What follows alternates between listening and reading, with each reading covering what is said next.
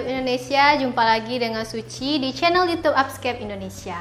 Untuk kali ini kita akan membahas mengenai derajat dehidrasi pada pasien. Namun sebelum itu seperti biasa Suci ingatkan kepada teman-teman yang belum subscribe silahkan di subscribe channel kita dan jangan lupa diaktifkan tombol loncengnya agar nanti teman-teman mendapatkan notifikasi setiap ada video baru yang kita upload. Jangan lupa juga untuk di like dan di-share video ini agar informasi yang kita berikan di video ini dapat menyebar dan berguna untuk kita semua. Baiklah teman-teman, sekarang kita akan membahas tentang derajat dehidrasi. Nah, kita tengok di sini udah ada tabelnya. Kita akan tengok tanda dan gejala berdasarkan derajatnya. Di sini sudah kita bagi derajatnya itu ada ringan, sedang dan berat disebut ringan itu dehidrasinya terjadi sekitar 3 sampai 5%, sedang 6 sampai 10% dan berat itu di atas 10%. Nah, apa perbedaannya? Perbedaannya kita tengok yang pertama adalah dari status mental. Pada pasien dengan dehidrasi ringan, pasien biasanya kesadarannya itu akan baik sampai bisa turun menjadi gelisah. Lalu pada pasien dehidrasi sedang, pasiennya biasanya gelisah atau bisa turun juga menjadi apatis. Nah, pada dehidrasi berat, pasien mulai latergi bahkan sampai koma. Nah, itu pada status mental. Kita tinjau lagi derajat dehidrasi melalui nafas pasien. Nah, frekuensi nafas pasien. Pada dehidrasi ringan, frekuensi nafasnya itu biasanya masih normal rekan-rekan sekalian. Namun pada dehidrasi sedang dan berat, itu pasien akan mengalami takipnu atau frekuensi nafasnya akan meningkat di atas rentang normal. Selanjutnya dari nadi. Nah, kita tengok dari frekuensi nadi. Nah, pada frekuensi nadi pasien dengan dehidrasi ringan itu nadinya biasanya masih normal, masih rentang 60 sampai 100 kali per menit. Nah, kalau seandainya sudah jatuh ke derajat dehidrasi sedang, maka frekuensi nadi pasien itu bisa menurun. Nah, normalnya itu normal udah mendekati nilai ambang batas paling bawah dan dia juga akan mengalami penurunan jika dehidrasinya sedang. Selanjutnya jika dehidrasi berat, tentu saja tadi yang sedang aja kan udah menurun tuh nadinya. Nah, pada berat itu akan semakin menurun atau bahkan bisa tidak teraba. Ini biasanya pada pasien-pasien shock. Nah, selanjutnya kita tinjau dari CRT-nya, dari capillary refill time-nya.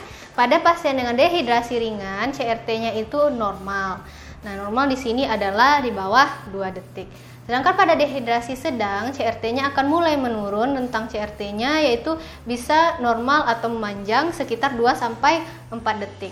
Pada pasien dengan dehidrasi berat, nah CRT-nya akan semakin memanjang biasanya di atas 4 detik. Selanjutnya kita tinjau dari perfusi. Nah, pasien dengan dehidrasi ringan nanti perfusinya pada ujung-ujungnya itu biasanya akan teraba hangat.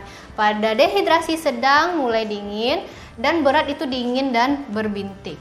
Selanjutnya, kalau kita tinjau dari tekanan darah, dari tekanan darah ini ya teman-teman, pada tekanan darah untuk dehidrasi ringan tekanan darahnya masih normal. Nah, pada dehidrasi sedang itu biasanya masih dalam rentang normal, namun sudah mulai ke ambang batas bawah. Nah, kalau pada pasien dengan dehidrasi berat, itu nanti sudah terjadi hipotensi atau tekanan darah pasien itu rendah di bawah dari batas normal. Oke, selanjutnya kita tengok derajat dehidrasi itu dari mata. Nah, pada pasien dengan dehidrasi ringan biasanya penampakan matanya kayak normal, kita normal biasa aja teman-teman. Sementara pada dehidrasi sedang matanya itu sudah mulai mencekung. Dan pada dehidrasi berat matanya akan tampak cekung sekali. Nah, itu yang perbedaannya pada mata pasien dehidrasi. Selanjutnya kita tinjau dari air mata. Nah, air mata ini khusus untuk bayi dan anak.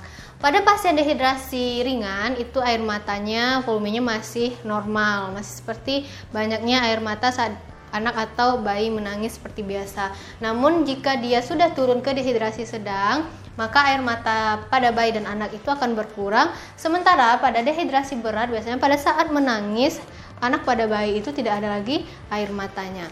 Nah, selanjutnya kita tinjau dari membran mukosa.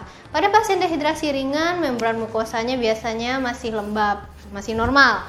Lalu pada dehidrasi sedang mulai lengket, ini lengket ya rekan-rekan ya, dan mulai lengket. Lalu pada dehidrasi berat biasanya akan sangat kering dan kadang kita lengok membran mukosanya mulai pecah-pecah. Selanjutnya kita tengok dari turgor kulit. Nah, kita tengok dari turgor kulit. Pada pasien yang dehidrasi ringan, pada saat kita uji turgor kulitnya itu akan kembali dengan cepat. Lalu pada dehidrasi sedang, turgor kulitnya itu pada saat kita tes itu mulai akan memanjang. Kembalinya sekitar di atas 2 detik. Lalu pada dehidrasi berat itu memanjang di atas dari 3 detik. Lalu selanjutnya kita tengok di output urin pasien. Pada pasien dehidrasi ringan, outputnya itu normal, cuman sudah mulai agak menurun. Nah, pada dehidrasi sedang itu sudah berkurang, sudah nampak perbedaannya. Lalu pada dehidrasi berat outputnya itu sudah minimal kadang tuh warnanya sudah berubah dan sudah kental dan selanjutnya untuk terakhir kita tengok dari rasa haus pada pasien pada pasien dehidrasi ringan e, biasa dia kadang tidak haus atau pola minumnya seperti biasa namun pada pasien dengan dehidrasi sedang sudah mulai haus-haus nih pasiennya sudah mulai haus-haus dan ingin minum banyak sementara pada dehidrasi berat malah pasiennya akan malas minum atau tidak mau minum lagi sama sekali. Nah, itu derajat dehidrasi teman-teman. Jadi, pada derajat dehidrasi itu harus kita waspadai karena kemungkinan pasien akan jatuh kepada kondisi shock hipovolemik. Untuk shock hipovolemik sendiri, tanda dan gejalanya itu sangat mirip dengan dehidrasi berat yang kita jelaskan tadi ya rekan-rekan. Nah, kapan bisa terjadinya shock hipovolemik? Shock hipovolemik ini bisa terjadi karena dehidrasi yang sudah berat ini bisa disebabkan juga karena kehilangan cairan seperti kehilangan darah yang banyak atau pada gangguan pencernaan atau gangguan gastrointestinal seperti dia muntah banyak atau diare banyak bisa juga jatuh ke kondisi shock hipovolemik yang biasanya ditandai dengan dehidrasi berat. Oke rekan-rekan itu tadi pembahasan mengenai derajat dehidrasi pada pasien. Bagi teman-teman yang punya pertanyaan silahkan ditinggalkan atau di komen di kolom komentar kita. Dan bagi teman-teman yang punya banyak banget pertanyaan nih yang mau mempersiapkan diri dalam persiapan ujian kompetensi baik itu nurse, kebidanan ataupun D3 keperawatan atau juga ingin mempersiapkan diri dalam tes CPNS boleh ikut bimbel kita, bimbel belajar online Upscape Indonesia. Informasi lebih lanjut silahkan diklik di Instagram Upscape. Dan Suci nggak lupa juga ingatkan teman-teman untuk mensubscribe channel kita dan juga jangan lupa diaktifkan tombol loncengnya agar nanti teman-teman mendapatkan notifikasi setiap kali ada video baru yang kita upload. Jangan lupa juga untuk di like dan di share video ini jadi teman-teman yang lainnya juga dapat informasi atau pengetahuan sama dengan teman-teman semua. Oke, sekian pertemuan kita kali ini. Sampai jumpa di video selanjutnya. Dadah. Dadah, dadah. Dari CRT. Dari CRT.